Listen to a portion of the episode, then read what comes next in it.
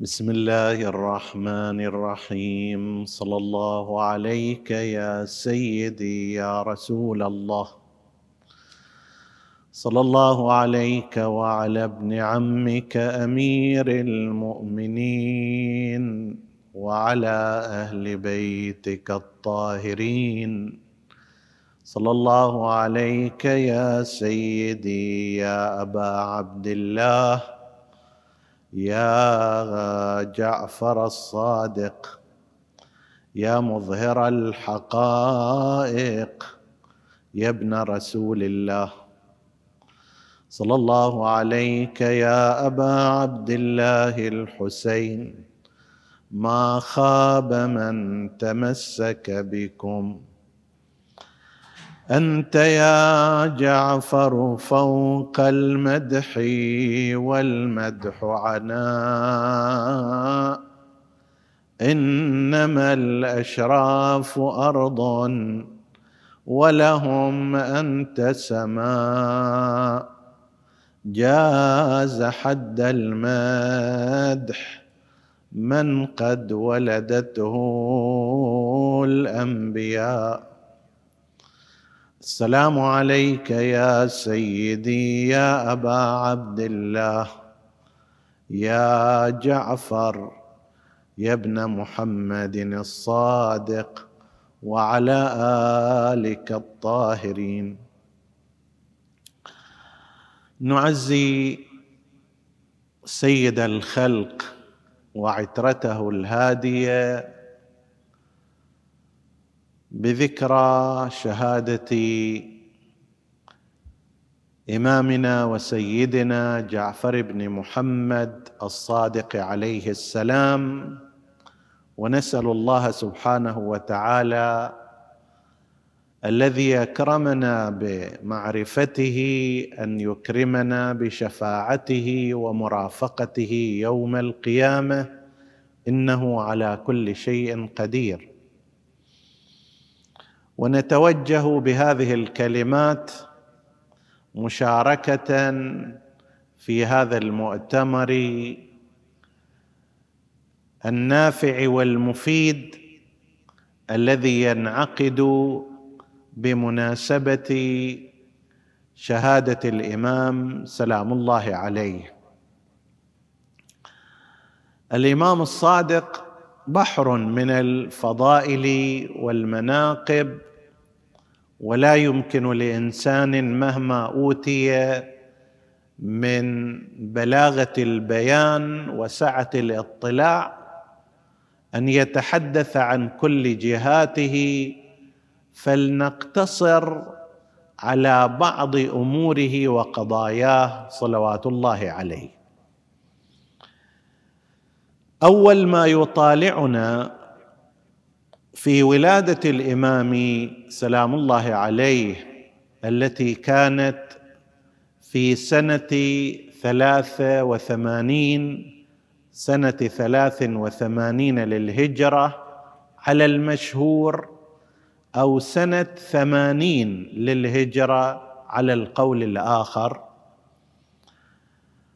واستمرت هذه الحياة المباركة إلى سنة 148 للهجرة.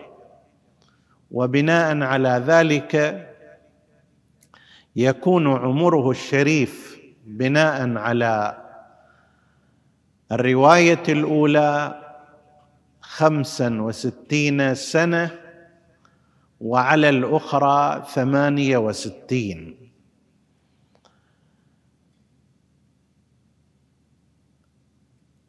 أول ما يلفت النظر ما نقل من مصادر مدرسة الخلفاء منسوبا إلى الإمام الصادق عليه السلام القول أنه ولدني أبو بكر مرتين. وهذا في هذه الفترة بل قبلها من الكلمات التي تم ترويجها ونشرها بشكل واسع من قبل أتباع مدرسة الخلفاء وأجهزتهم الإعلامية. وبالطبع ليس المقصود منه هنا الثناء على الإمام الصادق عليه السلام وإنما المقصود منه هو تنزيه الخليفة. وإذا عرف سبب هذا النشر بطل العجب. وقد ذكر العلماء تفصيلا عن هذا الأمر نشير إلى إجماله. اولا أن هذه الكلمة لم تثبت في مصادرنا الإمامية وإنما كما يظهر أول من نقلها في مصادر الإمامية كان أبا الفتح الإربلي في كتابه كشف الغمة في حياة الأئمة. وأبو الفتح الإربلي متوفى قبل سنة سبعمائة للهجرة. بست سنوات أو بسبع سنوات على الاختلاف في سنة وفاته. يعني هذا الكلام لم ينقل في المجاميع الحديثية الكبرى ولا غيرها. الكتب الأربعة لم يذكر فيها بل بعدها أيضا لم يكن له أثر في هذه الكتب إلى أيام أبي الفتح الإربلي وهو يعد من المتأخرين يعني من المعاصرين للعلامة الحلي رضوان الله تعالى عليه وقد ذكره من غير إسناد. ولذلك يحتمل علماؤنا بأن هذا من تسريب المدرسة الأخرى لأنه في فترة من الفترات حصل مقدار من التمازج والتزاوج والانفتاح بين المدرستين. وبالذات في زمان العلامة الحلي رضوان الله تعالى عليه بعد زمان الشيخ الطوسي اللي كان مرحلة مبكرة من الانبساط بين المدرستين على اثر كتابة الفقه المقارن والفقه الخلافي. فكان لا بد أن يتم الاطلاع على كتب المدرسة الأخرى وملاحظتها والنقاش فيها وهذا له بحث طويل. هذا من حيث المصدر ماله من حيث المعنى فإننا لا نعتقد أن الإمام الصادق عليه السلام بعد ولادته لرسول الله وهو سيد الخلق كجد له وبعد ولادته لأمير المؤمنين كجد له أيضا لم يبق هناك مجال للافتخار بأحد بعد هذين. فماذا يعني أن يأتي الإمام ويقول هذا الكلام؟ وبالتالي إما أن يشكك الإنسان في أصل صدوره ما دام لم يعثر على مثل هذا الحديث وهو مما تشتد الحاجة إلى بيانه في المصادر الإمامية. التي تتبعت كلمات وأحاديث الإمام الصادق عليه السلام ونقلت الافا منها. فلم تذكر مثل هذا مع شدة الحاجة إلى ذكره أو أن إذا فرضنا صدوره يكون من باب التقية وما شابه ذلك. وكان الإمام الصادق في زمان يفترض فيه مثل هذا الأمر. هذا أمر ثاني. أمر ثالث لو فرضنا أيضا صدور هذا الكلام فإن هذا لا ينفع كثيرا أتباع المدرسة الأخرى في إضفاء المشروعية على الخلافة أو مدح وتقديس الخليفة لأن كون شخص حفيدا لشخص آخر مجرد هذا لا يعني أن ذلك الجد هو في أعلى الدرجات. ولا العكس أيضا قضية النسب لا سيما على مسلك تلك المدرسة لا تؤثر تاثيرا كبيرا. فهم يرون مثلا أن عبد المطلب وهذا في رأينا خطأ أن عبد المطلب لم يكن موحدا وأن عبد الله ابن عبد المطلب لم يكن موحدا وأنه في النار نعوذ بالله كما رووا ذلك في كتبهم وأن أبا طالب كذلك. فكون شخص حفيده فلان كذا وكذا لا ينفعه حتى لو كان نبيا. بناء على مسلكهم نبي نبي الإسلام سيد الخلائق ولكن أنتم تقولون أن جده وأجداده في النار بل أباه بل أن أباه في النار كما تقولون وعمه في النار. فما الذي ينتفع به من على مسلككم ما الذي ينتفع به من كون حفيده أو ابنه نبيا لا ينفعه شيء ولا العكس أيضا كأن يكون هو نبي ولكن ابنه يكون خاطئا أو كافرا؟ فتنزيه الخلافه ومحاولة إضفاء الشرعية عليها بمثل هذا الكلام مع فرض أنه غير صادر اولا وعلى فرض صدوره هو تقية وعلى فرض عدم كونه تقية فهو لا ينفع على مسلككم. أضف إلى ذلك أن قضايا العقائد وصحتها قضايا العقائد وصحة هذه العقائد لا ترتبط بأن فلانا هو نسيب فلان وصهر فلان واخو فلان وابن عم فلان وإنما ترتبط بأدلتها وبراهينها. على أي حال هذا يذكر كثيرا ولأنه ينفخ فيه كثيرا أشرنا إليه. نقطة أخرى نلاحظها أن فترة إمامة الإمام الصادق عليه السلام هي من أطول فترات الإمامة في حياة أئمة الهدى عليهم السلام. فإن أطولها فترة كما يظهر هي فترة إمامة الإمام موسى بن جعفر الكاظم عليه السلام حيث استمرت خمسا وثلاثين سنة.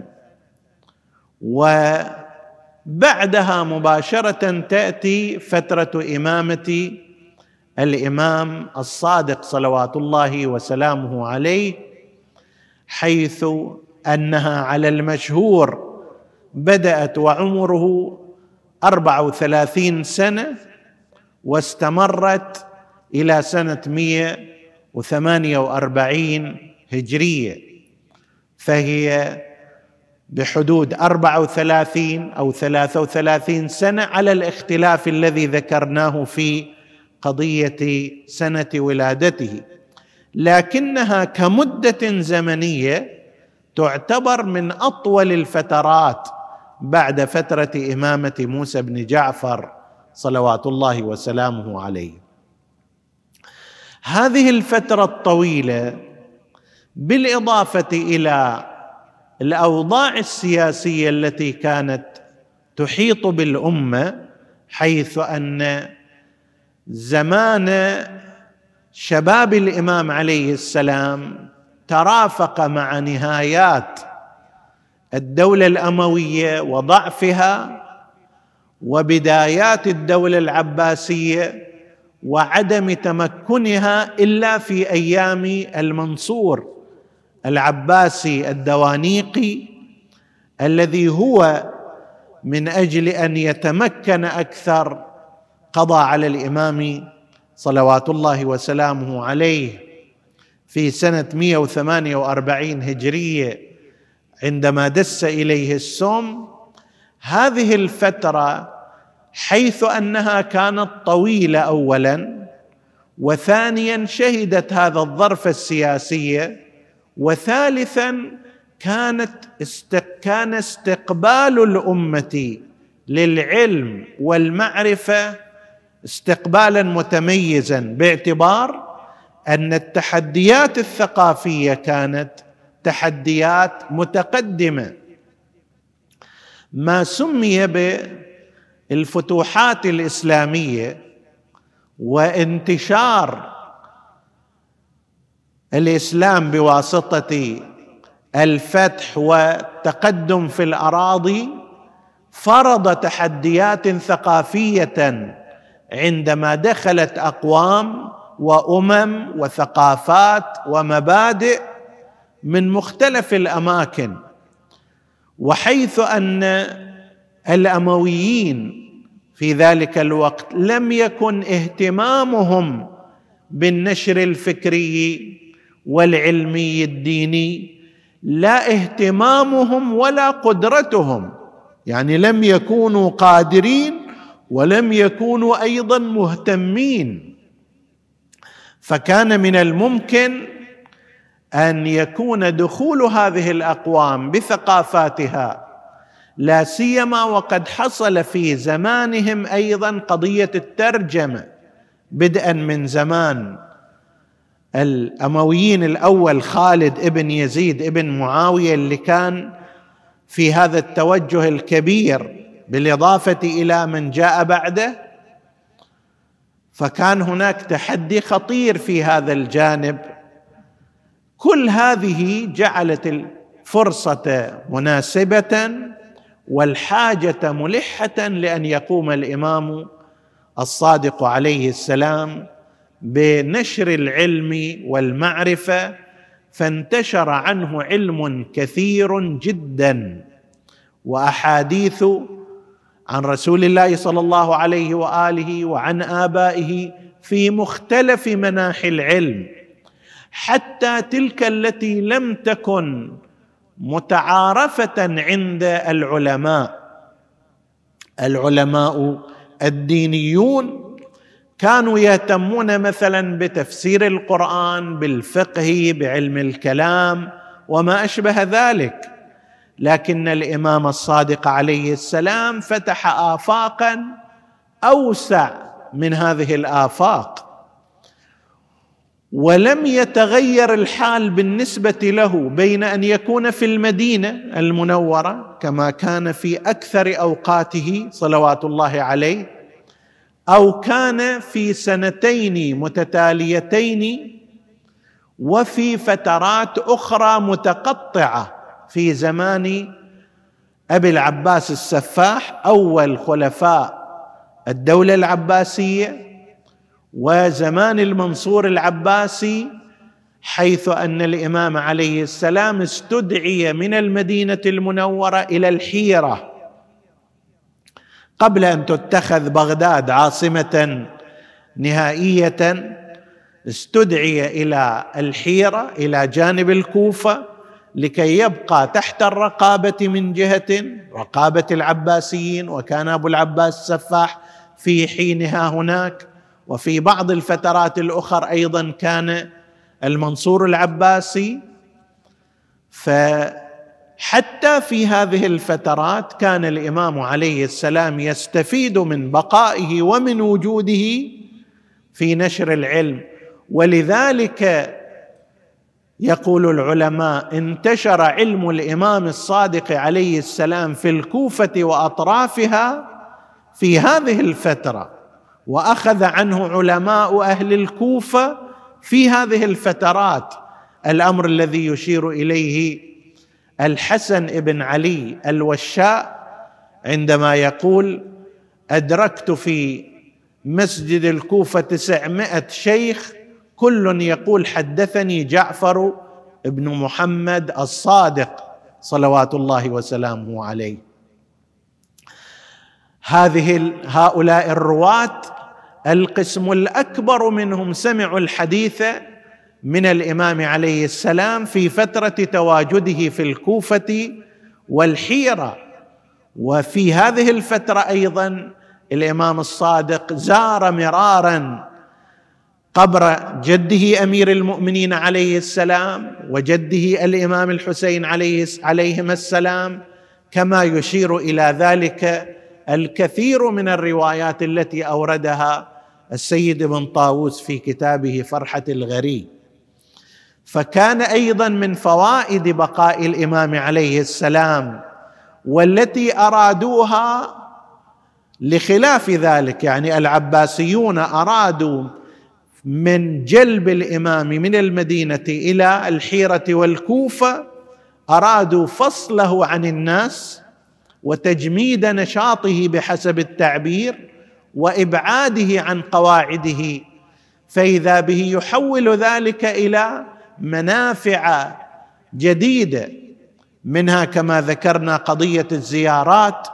وتعيين القبور قبري الإمامين عليهما السلام بل ما هو أوسع من ذلك حتى مقامات مسيرة السبايا كموقع رأس الحسين عليه السلام في الحنانة أطراف النجف الأشرف. كل هذه إنما كانت من ثمار فترة بقاء الإمام الصادق عليه السلام في الكوفة والحيرة. وأيضا شهدت تدريس مئات من الرواة والتلامذة الذين حملوا علم الإمام الصادق عليه السلام في الكوفة ثم بثوه لأن مدرسة الكوفة بعد هذه الفترة انتشرت إلى بغداد ثم انتشرت إلى قم وبالتالي كانت الكوفة ووجود الإمام الصادق عليه السلام فيها تلك الفترة. ولو كانت قصيرة كانت بوابة الانتشار الحديثي إلى المدارس الأساسية في العالم الإسلامي مدرسة بغداد ومدرسة قم الشيعيتين. بطبيعة الحال هذا لم يكن ليروق للعباسيين أن يبقى الإمام منارة علم وإشعاع فكر ويستقطب قلوب الناس وعقول العلماء إليه فكان أن أقدم اللعين المنصور العباسي والمنصور العباسي شخصية عجيبة يحتاج إلى تأمل في صفاته السيئة. كان أن أقدم هذا الرجل على دس السم للإمام الصادق عليه السلام عن طريق واليه على المدينة. فتجرع إمامنا سلام الله عليه. السم وقضية السم عند العباسيين أصبحت طريقة لتصفية الخصوم حتى فيما بينهم. فأنت ترى الكلام الموجود أن اختفاء أبي العباس السفاح لم يكن طبيعيا وهو أصغر من المنصور العباسي. أصغر من أخيه لكن هذا أي أبا العباس كان ابن عربية وهذا ابن أمة غير عربية. فأخر لأجل ذلك بعض الباحثين التاريخيين لا يرى أن اختفاء أبي العباس السفاح وكان شابا لا يزال وأصغر سنا من المنصور العباسي. كيف أنه أخفي من الخلافة ومات بعد ست سنوات أو نحوها؟ يقولون أن هذا لم يكن اختفاء طبيعيا والمنصور كان مشهورا بالغدر حتى بمناصريه وأقرب المقربين إليه ومن بنوا عرشه. كابي مسلم الخراساني وبعض بني عمومته أيضا ولهذا بحث طويل. بل حتى فيما بين الخلفاء أنفسهم موسى الهادي حاول أن يغتال أمه وهي أيضا ردت عليه بالمثل بالتعاون مع أخيه وابنها الأثير عندها. وهو هارون فكان أن صفي موسى الهادي العباسي بالسم. فهذه الطريقة كانت طريقة متداولة فيما بينهم. قضية الإجرام والاغتيال والقتل كان امرا سهلا ويسيرا عندهم. فدس إلى الإمام سلام الله عليه عن طريق والي المنصور في المدينة سما لما تجرعه الإمام سلام الله عليه أوهى قواه وفتك بأحشائه وانتقل إلى لقاء ربه راضيا مرضيا لكن لكي يقول للناس أن الذي يبقى هو ما كان ومن كان مرتبطا بالله عز وجل.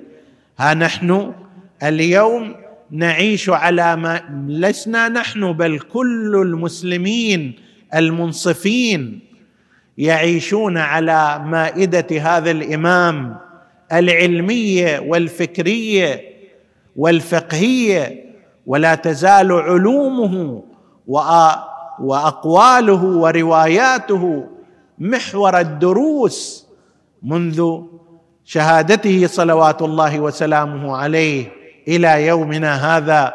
تتدارس كما يتدارس القرآن وكما تتدارس أحاديث رسول الله وهي فرع عن حديث رسول الله وشرح لحديث رسول الله صلى الله عليه وآله.